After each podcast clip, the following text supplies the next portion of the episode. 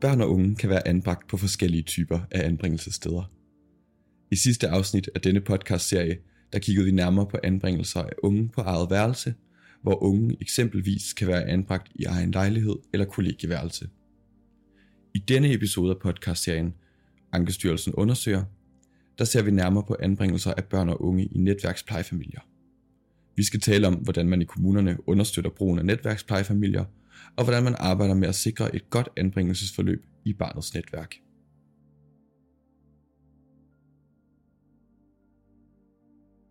Hvis lytteren skal gå herfra i dag med tre hovedpointer omkring, hvordan sørger man for at understøtte en god anbringelse i en netværksplejefamilie? Altså den første pointe, det er, at det er vigtigt, at kommunen og medarbejderne i kommunen har tæt kontakt med netværksplejefamilien, og særligt tæt kontakt i starten af anbringelsen er vigtig for at gribe nogle af de problematikker, der kan opstå i starten af en anbringelse. Den anden pointe er, at det er vigtigt, at der er god kommunikation eller et godt samarbejde mellem kommunen, netværksplejefamilien og også de biologiske forældre, sådan at barnet bevarer en god kontakt til de biologiske forældre også. Og det er blandt andet ved at skabe, at kommunerne skaber nogle klare rammer for, hvad forventninger der er til hinanden hver især. Den tredje ting, det er det her med, øh, med hvilket fokus der er, både fra ledelsesmæssig side og også øh, fra politisk side i forhold til anbringelser i netværksplejefamilier, at, øh, at det er vigtigt for rådgiverne, at de oplever, at der er det her fokus for, at de kan arbejde øh, fokuseret med området.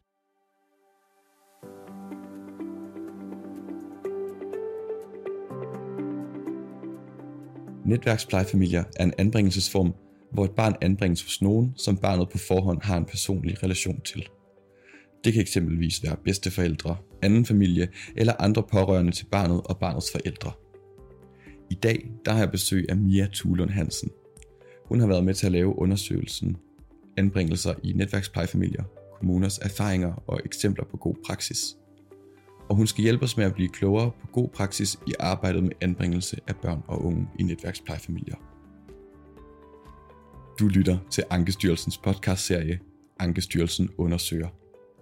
I denne serie sætter vi fokus på nogle af de undersøgelser, som Ankestyrelsen laver på velfærdsområdet. Mit navn det er Tobias Sønderby Jørgensen. Velkommen til.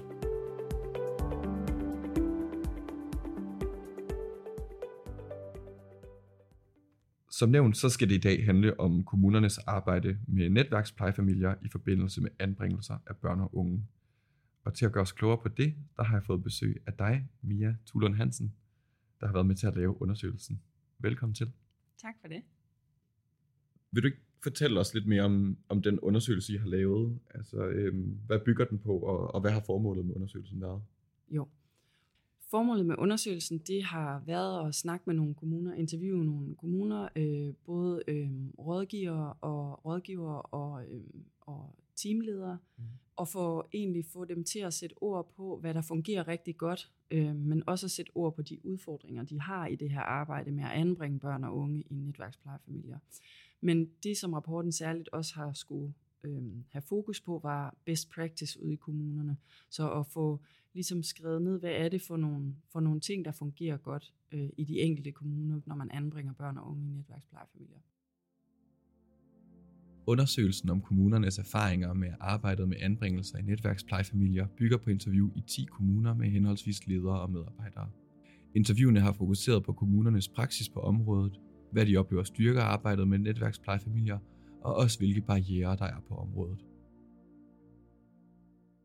Mia, vil du ikke fortælle os lidt om, hvorfor man gerne vil understøtte brugen af netværksplejefamilier? Hvad er styrkerne ved at anvende de her netværksplejefamilier?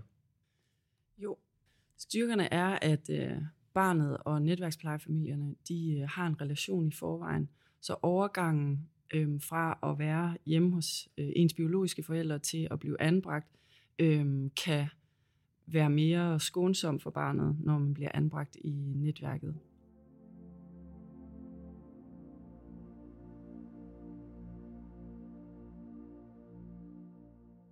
Du nævnte de her tre pointer i starten af, interviewet. Vil du ikke prøve at uddybe lidt, hvad det er, det, det handler om? Jamen det første er, øh, at kommunerne de nævner rigtig meget, eller de oplever rigtig meget, at den tætte kontakt til netværksplejefamilierne er mega vigtig. Og særligt i starten, fordi der kan opstå alt muligt i forhold til familiedynamik. Altså, at et barn bliver anbragt et andet sted, hvis det så er i familien, øhm, så, så opstår der typisk nogle konflikter i, i den der rokering, eller hvad man kan sige, som, øh, som der er vigtige, siger kommunen, at have hånd i hanke med i starten, så at de kan komme ind og hjælpe med at komme over de her konflikter, så der ikke sker et, øh, et sammenbrud i anbringelsen. Øhm, så det er i hvert fald en ting, der er rigtig vigtig, særligt at have den der helt tætte kontakt i starten. Hvordan, hvordan gør de helt konkret det? Hvordan hvordan sørger man som, som medarbejder i kommunen for, for at understøtte den her tætte kontakt?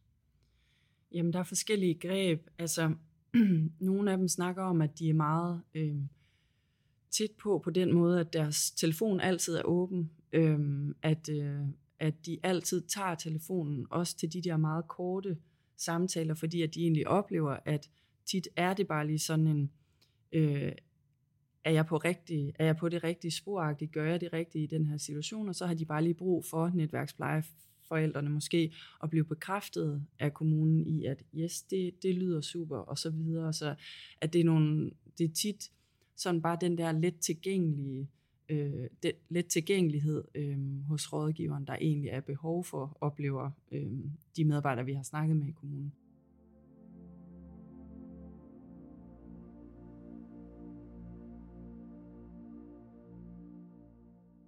Du talte også lidt om det her om vigtigheden med at skabe rammer. Vil du ikke sige lidt mere om det? Jo, kommunerne oplever også, at det er vigtigt at skabe nogle klare rammer for anbringelsen. Også igen, hvis det er i familien særligt, men, men jeg tænker også, det er relevant i, i forhold til det andet netværk, hvis det er aktuelt. Men at de oplever for eksempel, at øh, hvis det er nogle bedsteforældre, der har, anbragt et, har et barn anbragt hos dem, at, øh, at forældrene kan troppe op øh, i tide og utide, øh, hvor det ikke er aftalt, øh, og gerne vil have samvær med barnet. Og det kan være enormt stressende for, øh, for bedsteforældrene og, og, øh, og forstyrrende i hverdagen for barnet for eksempel. Så der kan kommunen gå ind og være med til at lave nogle meget klare rammer. Rammerne for anbringelsen, som undersøgelsen og kommunernes praksis viser, at kommunerne med fordel kan hjælpe med at forme, kan blandt andet handle om, hvad både de biologiske forældre og netværksplejeforældrene kan forvente af kommunen i løbet af anbringelsen. Samtidig så handler det også om at få klargjort, hvilke forventninger kommunen har til både biologiske forældre og netværksplejeforældre.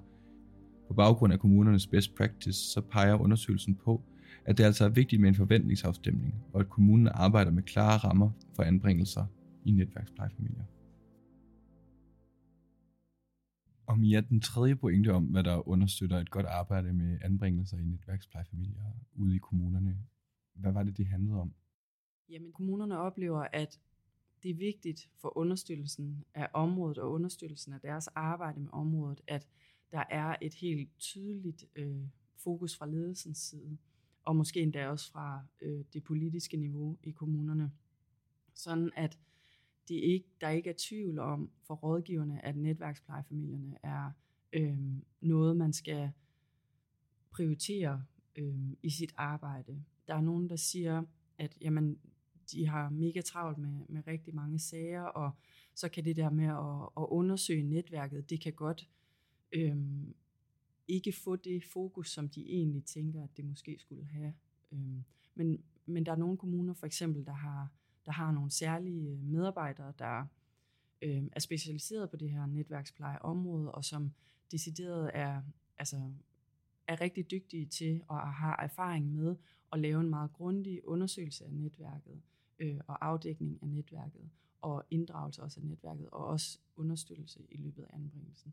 Og det har de i hvert fald oplevet fungerer rigtig godt i forhold til at understøtte området og arbejdet.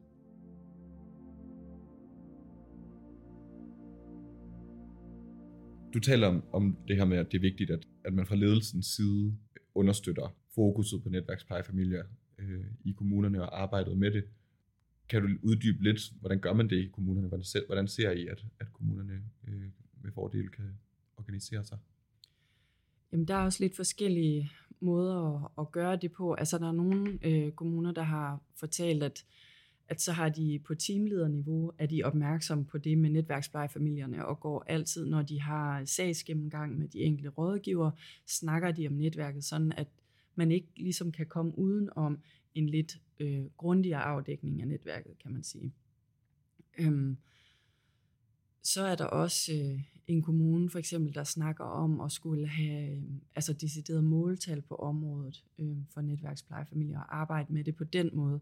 Og det er også øh, de her to, det er nogle af dem, der også har nogle særlige eller nogle specialiserede medarbejdere, som, som øh, arbejder meget øh, fokuseret med netværksplejefamilierne. Men det er den måde, at vi har, vi har øh, fået viden om det på fra, fra kommunerne.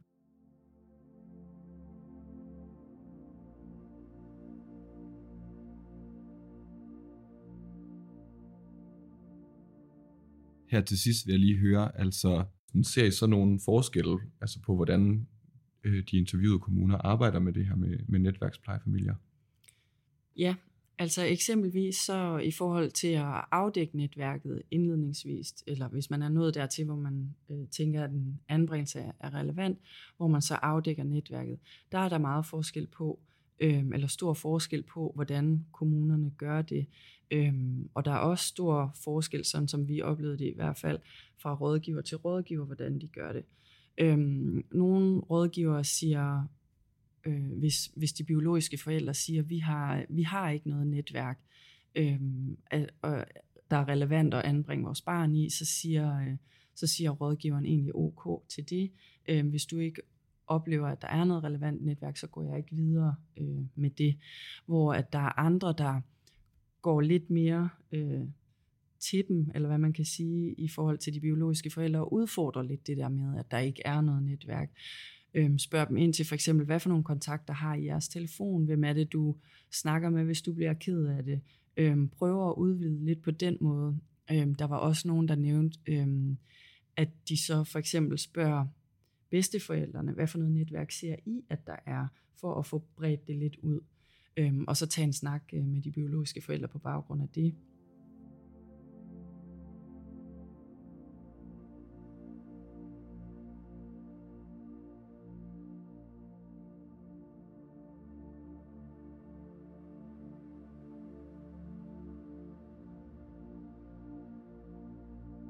Mia, tusind tak, fordi du har givet os et indblik i undersøgelsen om anbringelser af børn og unge i netværksplejefamilier. Og også tusind tak til dig derude, fordi du lyttede med. Du kan læse hele rapporten for undersøgelsen på Ankestyrelsens hjemmeside ast.dk under publikationer. Og du kan på vores hjemmeside, eller der hvor du ellers finder din podcast, også finde flere podcasts om Ankestyrelsens undersøgelser. Vi lyttes ved.